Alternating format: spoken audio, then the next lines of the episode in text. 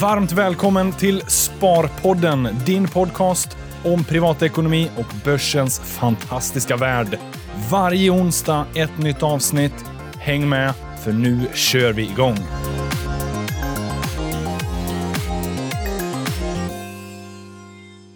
Välkomna, välkomna Sparpodden avsnitt 221. Jocke Bornold står och stretchar igång här. Ja! Stämmer faktiskt. Varför?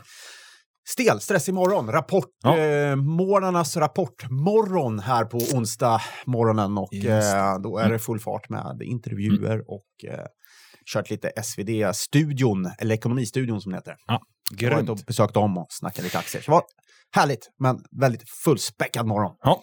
Jag har insett att varje gång jag refererar till dig så refererar jag till dig som Jocke Bornold. Jag säger både för och efter. jag vet inte varför.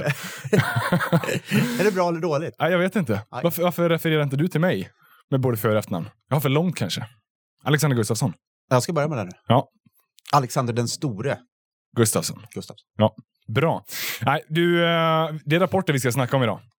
Det är, nu är vi mitt inne i rapportperioden och det är lite Ja. slagiga skurar, tänkte jag säga. Kan man säga slagiga skurar? Mm. Men det regnar både uppåt och neråt. Ja, Så är det väl i princip.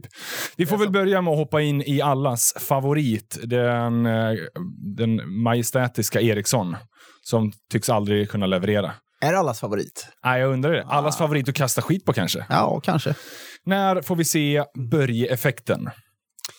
Under 2018 Är det så? Nej, Nu är vi inne i 2018. Så att, det är fler som ställer just den frågan. Ja. Eh, och um, Börje säger det, att det är 2018 som man ska börja möta de här målen och visa lite positiva siffror och få igång försäljning och så vidare. Så att, eh, och det krävs nog om man ska nå målen, eh, för man är ganska långt bort eh, från dem. men Ericsson har ju varit lite ett sorgebarn nu i många år. Du har ju varit och kommenterat lite rapporten här i morse. Vad, Ja. vad är din känsla? Nej, men det är klart att den, nu sjunker den ju nu på förmiddagen här och det är klart den gör det. Det, är ingen bra, det kommer inga bra siffror från, från Ericsson, ehm, utan man tappar ju enormt mycket försäljning. Mm. Eh, och man blir inte av med den här broadcasting-delen. Ehm, och man eh, lyckas försöka finta bort lite i de här digital services, heter väl delen, den här mjukvarudelen. Där man har ett riskkapital som går in och, och köper halva, eller egentligen 51 procent. Mm. Eh, för det blir lite snyggare för Ericsson att eh, dölja det i eh, redovisningen då. Ah. Så de, eh, Ericsson behåller 49. Så får vi se om man kan göra något vettigt av det. Men det känns som en nödlösning och frågan är väl om de fick eh, betalt för det. Det fick de säkert inte. Utan. Eh, fördelen med det är att det kommer in en ägare till som kanske kan skicka in lite kapital i det där. Får vi se om de får ordning på det. Men äh, det går för långsamt. Det går för långsamt. Vad är det som skulle kunna göra att det här snabbas upp då? Att vi får igång maskineriet igen? Ja, det är ju networks som går hyfsat bra då, men de, de, de går inte så bra som Ericsson vill påskina skulle jag säga. Utan det, det, det är det inte. Men eh, det är där lyftet ska komma då, får man väl säga. Det får man se. Eh, men, men om man ska ta något positivt, man kan inte bara kasta skit, eh, eller det kan man, men eh, det är ju så här att eh, kassan, kassaflödet, det är rätt stabilt faktiskt. så de går nog ur eh, 17 med en större kassa än vad de kom in, med, kom in eh, i. Så att, säga. så att eh, den har stärkt lite grann. Ja, det är i alla fall lite Så det positiva är inga, inga nyemission-vibbar, så man har nog stabiliserat det någonstans. Men Eh, vad, vad tror du eh, Gardell tänker och känner just nu? Som ägare i bolaget. Helvete, jag tror Ja. han tänker idag faktiskt. Nej, förlåt, man får, jag ska inte svära. Ja. Och man ska inte svära i podden, men det tror jag att han... Ja. Jag tror att det är det han tänker. Han har ju gått in och köpt ännu mer nu. Han tänker bara, ah!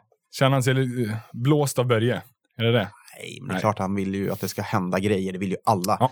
Och Börje får ju den frågan någonstans också, hörde jag. Att, eh, varför går det inte fortare? Nej, jag önskar också att det gjorde det. Ja. Så att... Eh, Men han sitter och önskar. Nu jag tror inte Gardell sitter på fingrarna och bara väntar. Nej, utan han det- är nog högst aktiv och Går det involverad. inte nog fort så kommer det komma en eh, mer offentlig agenda från Sevian. Det här vill vi se Ja. ska göras. Eh, och den kanske dyker upp snart.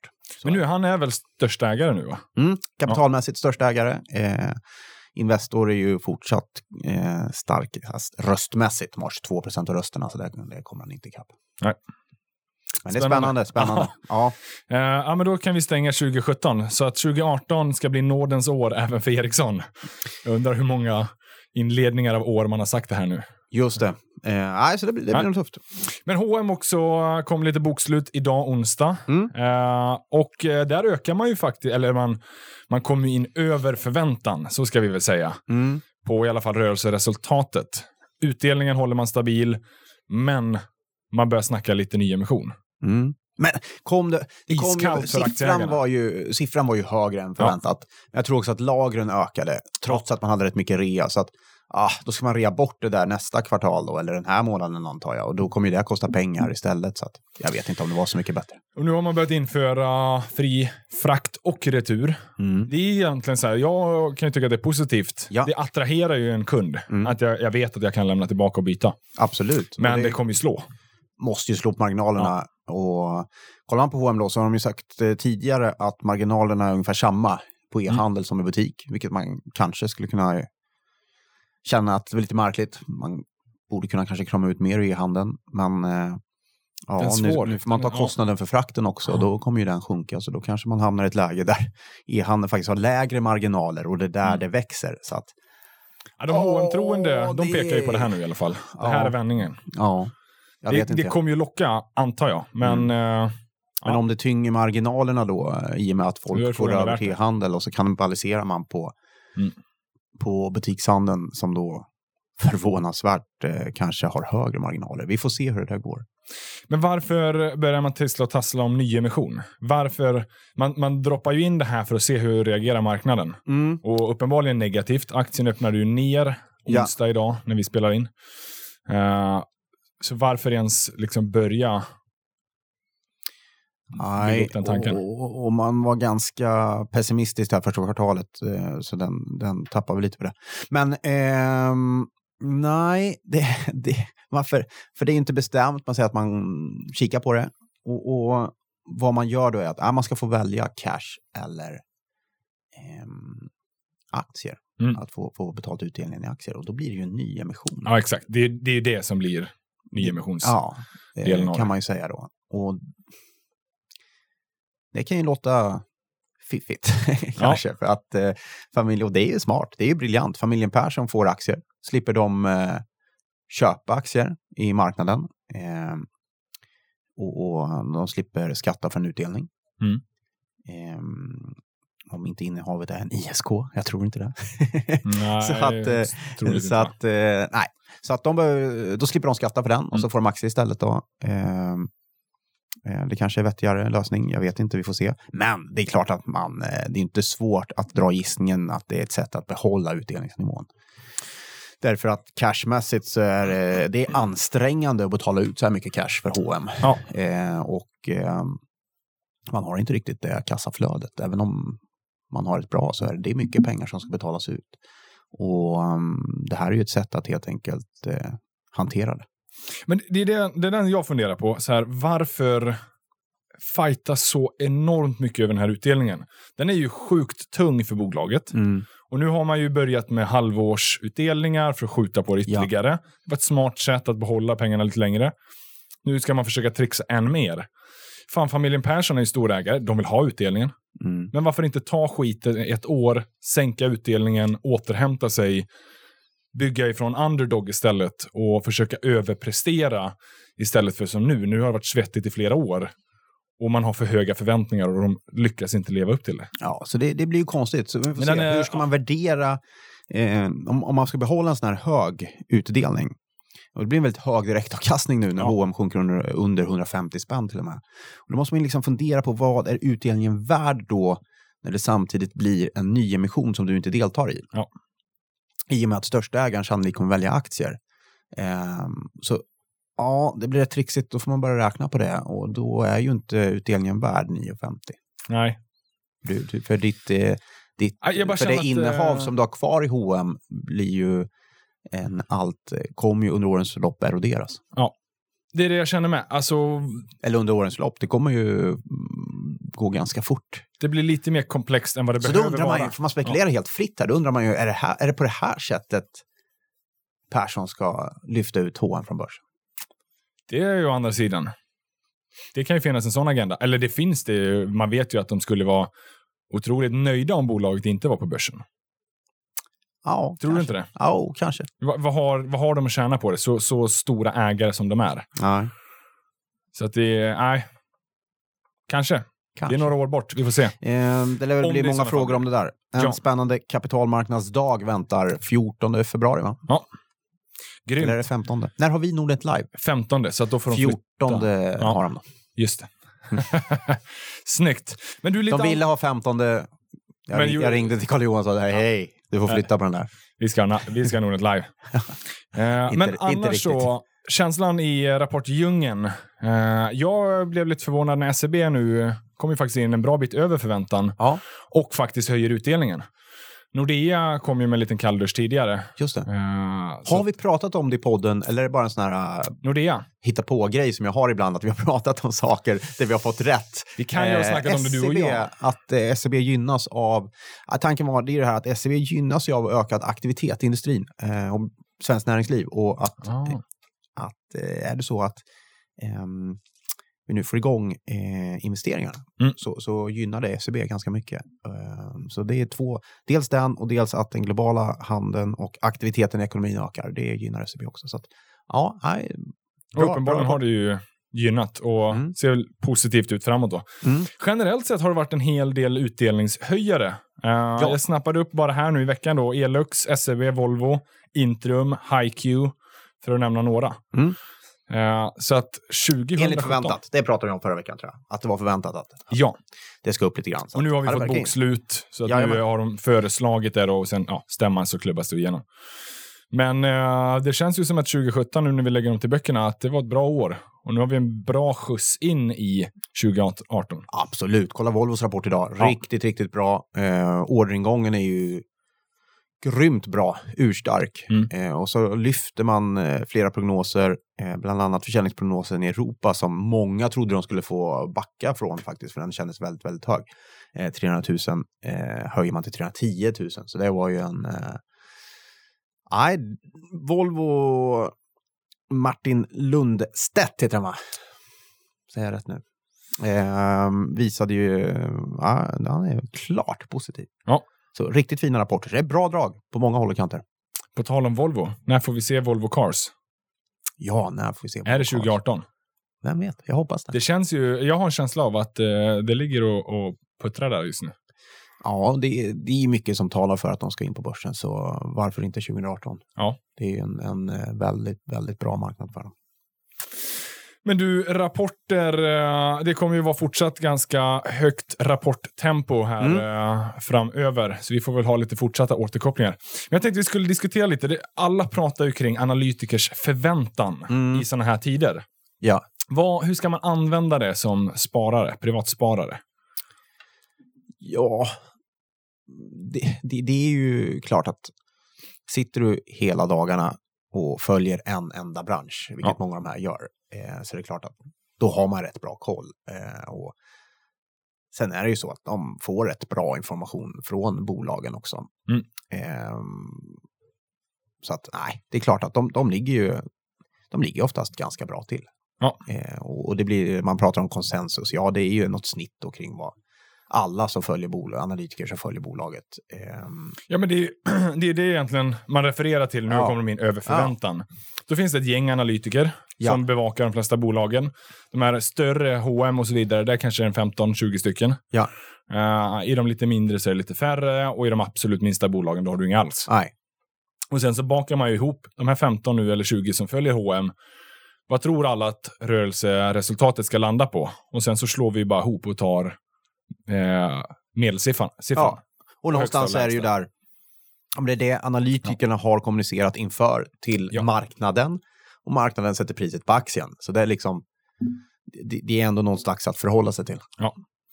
Men ska man som privatsparare blint handla efter de här analytikernas förväntan eller vad känner du? Nej, men det är oftast där de har mest rätt. Eh, Ja. Det är ju enklast liksom eh, kvartal de för det kvartal. Ja, men det, det får man väl säga att oftast Ja. ligger de ju rätt nära. Jo, i, i, på, på kvartalssidan, där Mm. är det ju absolut. Men, Men, ta eh, två år fram nej, till tiden, nej. då kan det vara riktigt off. Ja, I vissa lägen. absolut. Absolut. Och det är ju som alltid, vi vet inte. Kommer det en svart svan här nu som slukar oss i ett svart hål så eh, då är det svårt att prognostisera den linjen Yes. som det ser ut. Ja. Men kvartal då är de väl ganska fair. Men som privatsparare ska du spara på lång sikt. Nej, då är det här mer Men spel det- för gallerierna. Ja, men det är det som läcker ut, eller det som Ja. man lämnar ut där. Ja, vi tror det här, men det som är intressant är förstås analysen. Det är den som är Mm. intressant att läsa. Det är den som alla fondförvaltare betalar för. Det är ju deras Resonemangen. resonemanget, eh, vad finns det för möjligheter och den, den grundliga genomgång av bolaget. Det är den som är intressant att läsa. Ja, jag håller med. Snarare än att aktien kommer stå i det här Ja, priset. Eller köp, sälj, behåll. Ja, det är väl intressant, men, men det, det är kanske ingen som följer det slaviskt. Utan Nej. Det är ju analysen som, som de gör och vissa är bättre än andra på den.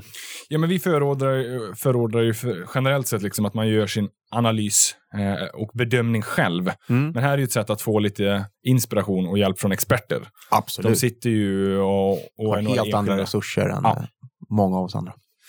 Men så att eh, i slut, slutändan då, analytiker, de, de sätter ju vad konsensus tror just nu eh, och kommunicerar det till marknaden.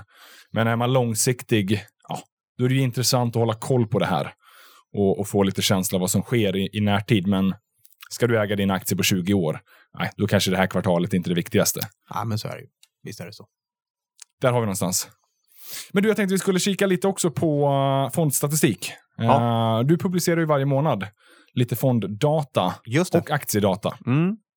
Eh, Jag tänkte vi skulle se om vi har några trender vi kan plocka upp. Du nämnde att det var ganska mycket tillväxtmarknad Mm. på köpsidan. Mm. Vad tror du, varför är det många som lägger på sig tillväxt just nu? Ja, men det är klassiskt. Jag tror att många kör det klassiska tillväxtcaset. Ja. Att, eh, det är ju så här att när de marknaderna blir heta så är det ju egentligen marknaderna i sig lite för små för att ta emot de här flödena. Då blir det ganska stora förändringar, eller det blir ganska snabbt kursuppgångar, men också kursnedgångar. Och där kan man ju utnyttja förstås om man är en aktiv fondtrader, Mm. om man kan säga så. Eh, som blir någon slags så här, tidvatteneffekt eller vad man ska säga. Liksom, att det, det, mm, det blir ganska tvära kast i de här marknaderna. Och det kan man ju försöka utnyttja om man vill. Jag tror många försöker göra det eh, faktiskt. Generellt sett så är det ju mer tillväxt i, säger sig självt av namnet, tillväxtfonder, än de här mer etablerade ekonomierna. Just det, men annars tror jag att det svänger så mycket i de här fonderna så att om man vill ligga investerad i dem då, då Ja. får man nog helt enkelt ta de här stora kasten som är i marknaden och bara acceptera dem. Eh, svårt att eh, som vanlig sparare, jag gör det inte. Jag har Nej. lite Ryssland faktiskt. Jag, men jag har ingen, eh, eh, just den här att hoppa på det som är hett. Liksom. Ja, men då, ska man, då ska man vara riktigt aktiv och ha lite tanke och, och Vad är din eh, känsla annars då? Är det bättre att ha en global fond då så att du får större delar av det om du nu vill diversifiera? Eller ska man Ja, ha... oftast får man ju lite för lite då, Ja. eh, kanske. Då får det man är kolla ju upp- 60 procent USA. Får man, ja, precis. Så får man kolla upp globalfonden. Utan det kan vara bra att ha en eh, tillväxtmarknadsfond om man vill ha det. Det är Ja. ett bra komplement. Absolut. 20 procent, det är absolut inga fel. Hedge har ju varit mycket på säljsidan. Vi har ju Mm. snackat lite om att... eh, Det borde en- vara på köpsidan. Ja, men det finns en turnaround-potential i och med Ja. räntesituationen. Absolut. Nu har det varit kraftigt negativa räntor, ett tag, äh, kraftigt, men negativa ett tag. Mm. Och det har ju varit svårt för eh, hedgefonderna. absolut. Men om vi nu ser en positiv Ja, jag tror Just nu, eh, det ska man ha med sig också. Uh, det är att räntan tickar på uppåt ganska snabbt. Mm. eh, framförallt i USA. Ehm, så vi får se hur det, när det börjar svida, om det kommer påverka aktiemarknaden eller inte. Eh, kanske, ja vi får se. Men, men det är ganska, ganska rejäl ränteuppgång faktiskt Ja. eh, på den amerikanska obligationsmarknaden. Så det, ja, det är lite, räntemarknaden är rätt intressant. Det är det. Se om den kan utlösa lite turbulens på aktiemarknaden. Det har vi ju sagt tusen gånger tidigare och det här lär väl vara temat för året. Mm. Räntan nu kommer att stabilisera sig. Stabilisera sig är väl ett konstigt ord idag. Vad är stabilt? Mm, Vi har haft negativ i några år. mm. Men det kanske det här året vi får se, kanske, en nollränta. Kanske. Kanske positivt. Yes. Who knows? Kanske, kanske Ingves knows. Ja. Men du, eh, i klassisk Sparpodden-anda så vill vi ju ha lite lyssnarfrågor också. Eh, Så jag tänkte att vi, vi kör några lyssnarfrågor. Mm. Då har vi skabbmask på Sharewill. Skabbmask. Nej, jag ingen aning, men det är, eh, det var det. Hej, Mm. tack för en bra podd. jag har precis börjat komma igång med mitt aktiesparande och fastnar lite i första steget om att hitta bolag att investera i. Jag har en del bolag vars produkter jag gillar och använder mycket, som jag skulle vilja köpa aktier i. Men hur går man tillväga för att hitta vart man ska köpa dessa? Först måste man ju säkerställa att det faktiskt går att köpa aktier i bolagen, antar jag. Hur gör man det? Och när har man sen kommit fram till att det borde gå, hur hittar man dem? Har ni några tips? Tack på förhand. Eh, och den är väl en så här, jag hör den ganska ofta, att eh, när man nu ska komma igång med sitt sparande, kolla i din omgivning. Mm. Vart köper du din mat? Vad åker du? Vad har du för mobilabonnemang och så vidare. Där kan du få inspiration. Köp bolagen som du har i din omgivning. Eh, och, och för att svara på frågan hur du hittar om det finns aktier i de här bolagen, det är ju att logga in på din bank och sök på dem. Har du nu Telia eller Tele2-abonnemang, du är intresserad av att köpa de bolagen, då är det ju bara att söka hos din mäklare. Söka på Telia eller Tele2, eller vilken nu aktie du önskar. Absolut. Så att svårt, svårare än så är det ju inte att hitta de här bolagen.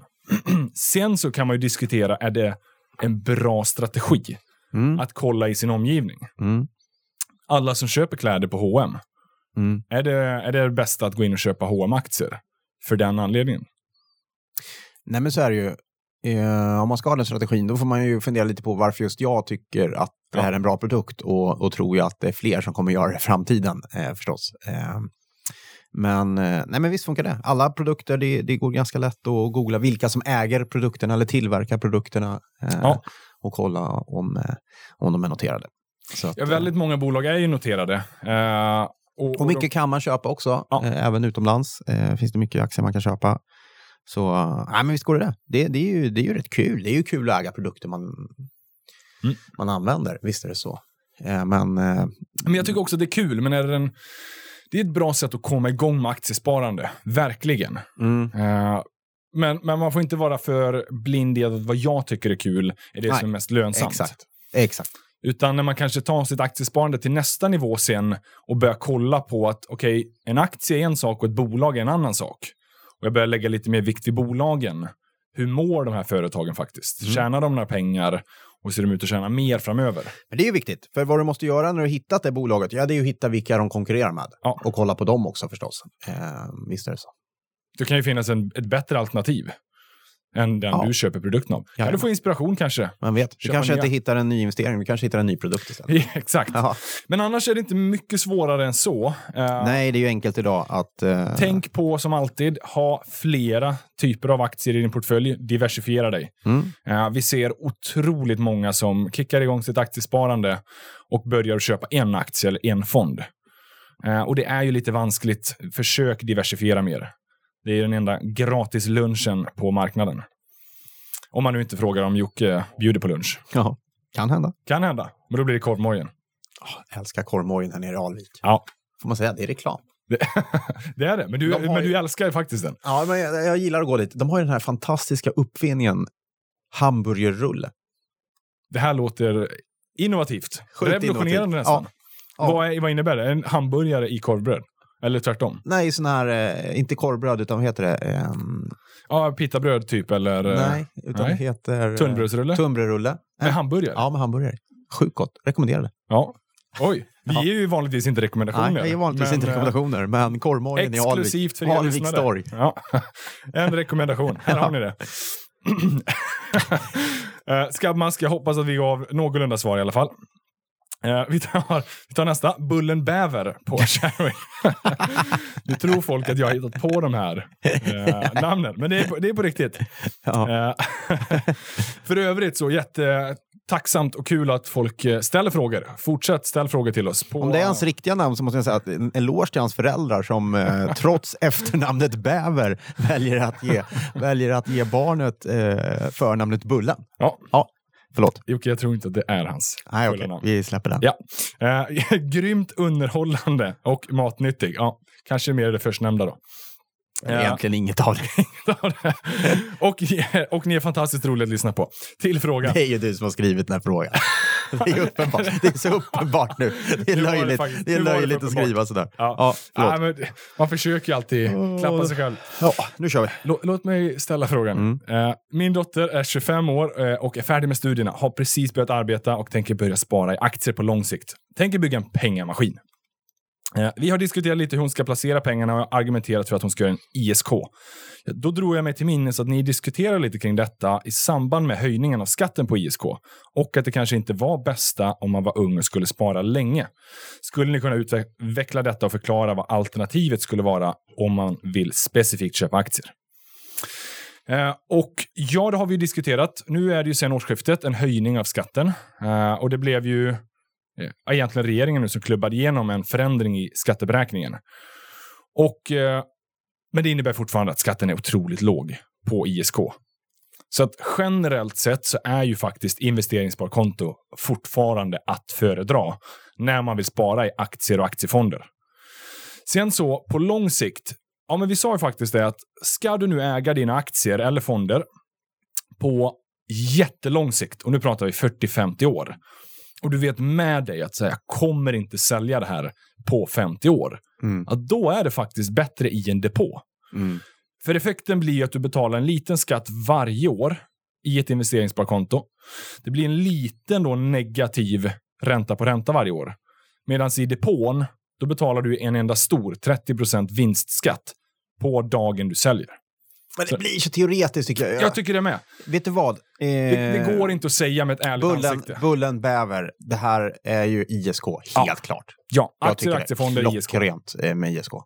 Alternativet skulle vara en kapitalförsäkring om du nu ska köpa lite utländska aktier. Då är det bra att ha dem i en kapitalförsäkring. Har du en kapitalförsäkring sedan tidigare, då är den all fine. De fungerar ju relativt liknande som en ISK. Men eh, ISK all the way, det fungerar rätt bra. Jag vill skicka iväg en liten eloge till Vinst varje gång på Sharewill som gav ett otroligt utförligt svar på Mm. Sharewill-frågan. Eh, har vi svarat Bullen? Det tycker Ja. jag. Men också uh, galet kul att du lyssnar och uh, se till att få in dottern nu så att hon också lyssnar. Och uh, vi önskar ju all lycka till med den här pengamaskinen. Det är många som vill starta pengamaskiner idag. Mm. Jag gillar det någonstans. Jättebra. Det är jättebra. Och det är en sån här tillräckligt abstrakt grej så att man kan eh, bygga in sin egna visualisering vad det innebär. Men också någonstans tillräckligt konkret för att man ska fatta. Det är en maskin som bygger och ökar i värde. Grymt! Eh, jag tänkte, och sen hade vi egentligen en fråga som var liknande på den där. Det är Abinator på Sharewill. Hej, statslåneräntan är variabeln som styr skatten på ISK. Om man går tillbaka och kollar historiskt sett så ser det ut som en tydlig trend mot lägre statslåneränta. Om man till exempel kollar 80-90-talet så har den konsekvent legat mellan cirka 7 och 13 procent. Medan senaste 10 åren legat mellan 4 och 0. Om man kollar hos Riksbanken. De senaste fyra åren varit under nollan. Är detta tillfälligt eller har svenska staten bliv, helt enkelt blivit en sådan tillförlitlig låntagare att den låga räntan är här för att stanna? Och det är väl lite förvirring i frågan. Eh, statslåneräntan har inte varit nere på negativ än så länge. Den var lite faktiskt, ett litet tag för någon, någon månad sedan, för ett år sedan kanske. Anyhow, så statslåneräntan är fortfarande positiv. 90-talet då var den tvåsiffrig. Och skulle den komma upp i det igen, ja, då skulle skatten på ISK bli väldigt dyr. Och då är det läge att gå tillbaka och diskutera. Är det värt att ha sparande på ISK eller ska man ha det i depå? Men det är så långt, långt borta att statslåneräntan skulle bli tvåsiffrig. Mm. Vi har sett en trend av fallande räntor. Det har vi pratat om många gånger. Just det. Eh, Det är en global trend. Ja. Det är en jättetrend. Den har varit i 25 år. så frågan är ju hur mycket lägre... Som hör ihop med också sjunkande inflation, måste man säga. Exakt. Så hur mycket lägre kommer det gå eller kommer det snart börja stiga? Mycket, mycket lägre kanske det inte kommer gå, men det kan ju behållas lågt under ett långt tag till. Tills vi kanske om några cykler senare kommer in i ett 80-talet igen, där inflationen slog i taket. Mm. Och då kommer ränteläget börja stiga. Mm. Men, men den, är, den är så osannolik att det sker det här nästa, näst, nästa år. Så att än så länge är det inte riktigt läge att börja resonera kring ISK eller inte, utan som vi sa nyss, ISK riktigt, riktigt bra för aktier och aktiefonder. Absolut. Och sen, sen var det en bra fråga. Är det för att staten är så Tillförlitlig tillförlitlig? Eh, ja, kan också att staten är typ enda köparen Ja, där ute. Eh, så, så det är en bisarr situation just nu. Eh, faktiskt lite oroväckande. Om det här börjar vända lite så är ju likviditeten i den svenska obligationsmarknaden väldigt, väldigt låg. Eh, vad menar du med vända? Vända som att de inte är köpare längre? Ja. Ja. Och där står vi ju kanske, så att det, det är ett intressant... eh, Det är väl ändå det är ju ganska kommunicerat att man vill minska på de här stödköpen. Ja. Eh, Så successivt kommer de väl att dra sig tillbaka. Så visst, svenska staten tillförlitlig låntagare? Eh, ja, jo, det, det får man väl säga. Ehm, men ehm, det är också så att ehm, man... Eh, hur ska jag säga?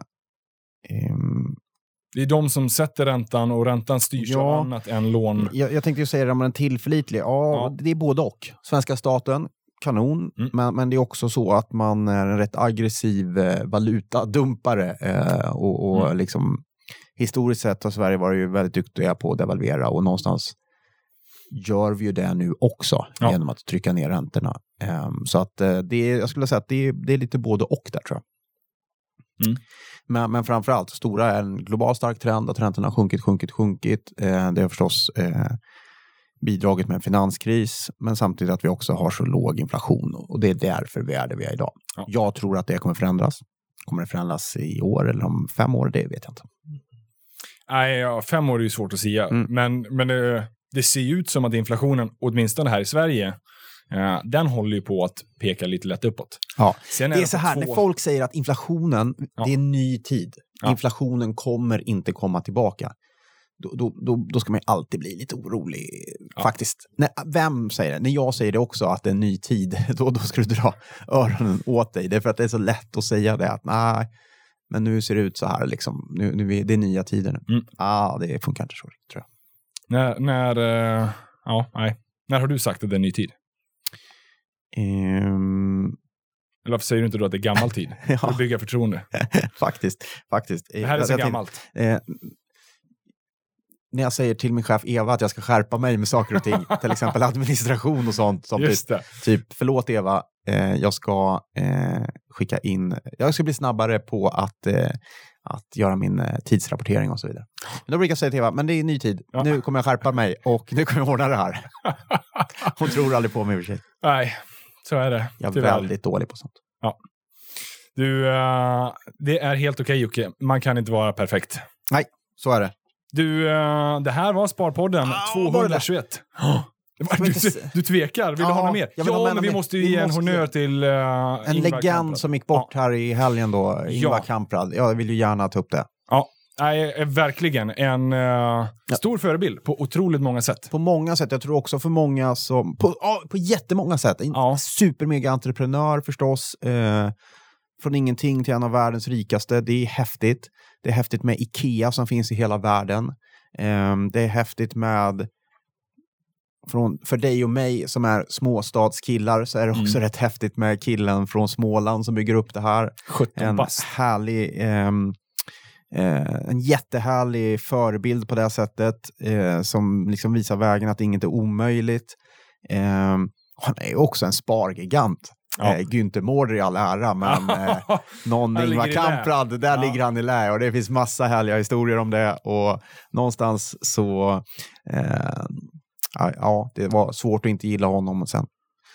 Men och samtidigt, det har ju florerat en hel del också av, av de här, hans negativa sidor. Det har Absolut, varit nazism eh, Ja, och, eh, och skatteplanering och sådär. skatteplanering.